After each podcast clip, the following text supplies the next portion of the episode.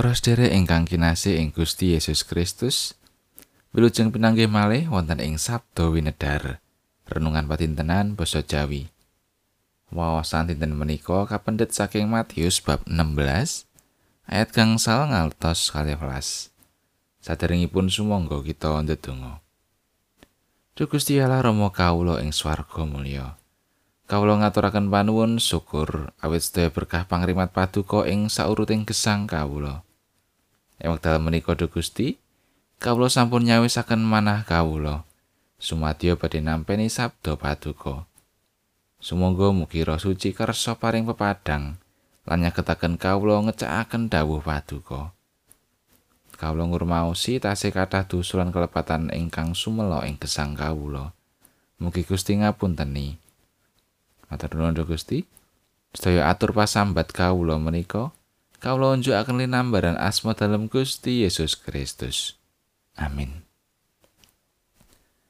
Matius bab 16 ayat gangsal ngantos kalih welas. Nalika para sekabat padha nyabrang ing segara lali ora nggawa roti. Banjur padha dipangantikane Gusti Yesus mangkene. Padha sing awas, sing padha ngati-ati ing bab ragine wong Farisi lan wong Saduki. Para sekabat padha mikir-mikir lan banjur padha rasanan. Anggone ngendika mangkono iku rak marga aku padha ora sangu roti. Bareng Gusti Yesus mirsa apa sing padha dirembuk iku tumuli ngendika. Ya kene kowe padha rembukan bab ora ana roti, he wong kang cepet ing pangandel. Apa kowe durung padha mangerti? Apa padha ora kelingan bab roti limo kanggo wong limang ewu lan pirang keranjang sing kok klumpukake? Apa uga lali bab roti pitu kanggo wong patang ewu lan pirang keranjang kang kok klumpukake? Kepriye to dene kowe kok padha ora mangerti? Yen kang tak karepake iku dudu roti. Aku pitutur marang kowe. Sing waspada marang ragine wong Farisi lan wong Saduki. Ing kono para sekabat lagi padha mangerti. Yen dawuh Gusti Yesus iku mau ora supaya waspada marang ragi lan roti ananging marang piwulange para wong Farisi lan para wong Saduki.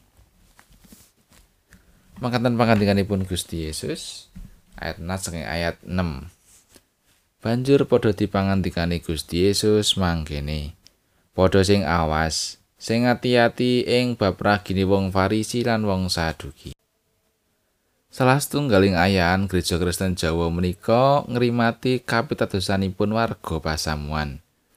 Werni-werni lan kathah cara ingkang dipunagem dening pradataning pasamuan kangge njagi wetahing kapitadosan. Wiwit peladosan tumrap lari-lari sekolah minggu ngantos dumugi komisi adi yuswa. Sedaya dipun amping-ampingi kanthi prayogi. Awit yang pitados ingkang sampun ngrasuk gesang anyar menika mboten badhe kalis saking sawarining panggoda. Lan piwucal ingkang badhe nasaraken. Wawasan kita dinten menika nyariosaken bab piwucalipun Gusti dhateng para sekabat. Nalika mireng piwucalipun tiang Farisi lan tiang Saduki. Gusti Yesus paring pangandika, supados sami ngatos-atos dhateng menapa ingkang dipun ucalaken tiang-tiang kala wau. Tiang Farisi lan tiang Saduki menika mucal dhateng bangsa Israel inggih bab pranataning gesang ingkang kedah ngener dhateng angger-anggering toret.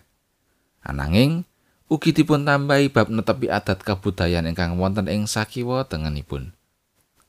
Tambahan piwucal menika dipun gambaraken dening Gusti Yesus kados dene ragi ingkang dipun lebetaken dhateng adonan roti. Menawi para sakabat menika lajeng mitadosi dhateng piwucal kala wau, mesti mboten badhe pikantuk gesang ingkang langgeng. Awit sami keblinger piwucal ingkang boten leres. Minangka titah anyar kita kedah nebi piwucal nasar, sebatas boten manjing ing manah kita. Roti ingkang utami inggih menika piwucal ingkang pinangkanipun saking Gusti Allah. Piwucal bab menapa ingkang dados kersanipun Gusti ingkang kedah dipun tetepi ing gesanging para kagunganipun. Amin.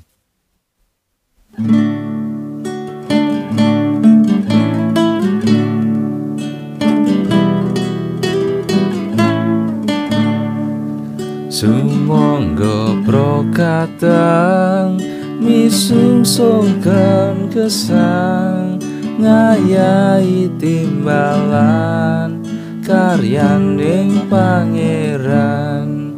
Martos keninjilnya bang luar saking dosa mring saliring bangsa brisam yo wilujeng